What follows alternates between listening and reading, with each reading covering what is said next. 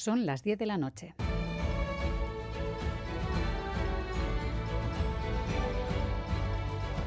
Radio Euskadi y Radio Vitoria. Servicios informativos. Repasamos los titulares de la jornada con John Fernández Mur, Gabón. Gabón, Miriam, noticias de este martes 21 de noviembre en el que comenzamos mirando a Israel y Gaza. Gracias a la mediación de Qatar estaría cerca el primer alto el fuego. Así lo han expresado tanto Hamas a través de un comunicado como el presidente israelí Benjamin Netanyahu. Un Netanyahu que se mostraba confiado en tener buenas noticias pronto sobre la liberación de los rehenes. También optimista respecto a la posibilidad de una tregua el presidente estadounidense Joe Biden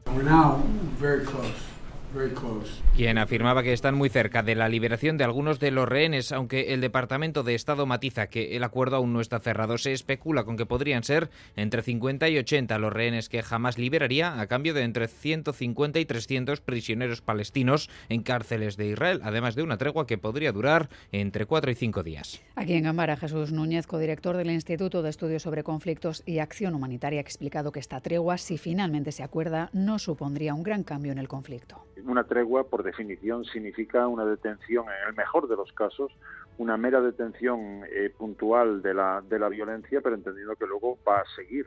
Eh, y que por lo tanto no supone ni siquiera ese cese de hostilidades que algunos llevan demandando desde el principio. Desde esa perspectiva, quizá nos quedemos cortos o, nos confundamos y pensamos que esta tregua va a significar un cambio radical de lo que está ocurriendo. En casa hoy se ha puesto fecha a la llegada soterrada del tren de alta velocidad a Bilbao. Como pronto las obras terminarán en 2033. Iñaki Arriola, consejero estimamos que la obra pudiera iniciarse mediados finales del año 26. Y la previsión que, existe en este convenio es que la obra discurriera hasta el año 2033. El Gobierno vasco quiere que la ley de educación se apruebe el 21 de diciembre. Y como PNV-PSE mantienen los modelos lingüísticos, a un mes de esa fecha todo indica que será sin el apoyo de EH Bildu y Coitzarrese. Si esta ley se queda así, suman cero. El PNV acepta las líneas rojas del PSE, abriendo la puerta a la degradación del aprendizaje del euskera y a cambio el PSE acepta la concertación universal, es decir, que se financie cualquier cosa sin límites.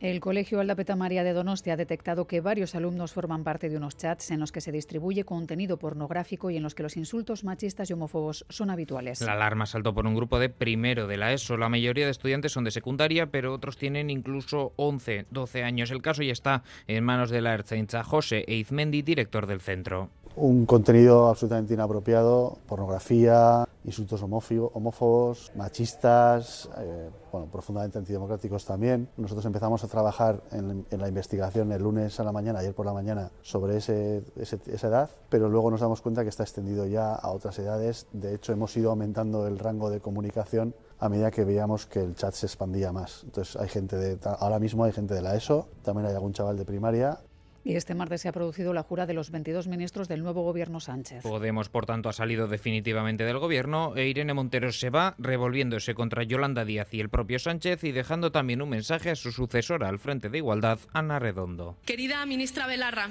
hoy Pedro Sánchez nos echa de este gobierno. Es precisamente por haber hecho lo que dijimos que haríamos. Te deseo que tengas y te rodees del mejor equipo.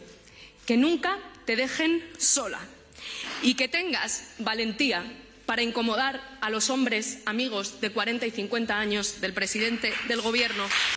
Es todo, más noticias en una hora y en todo momento en itv.eus y en la aplicación ITV Albisteac. Geruarte.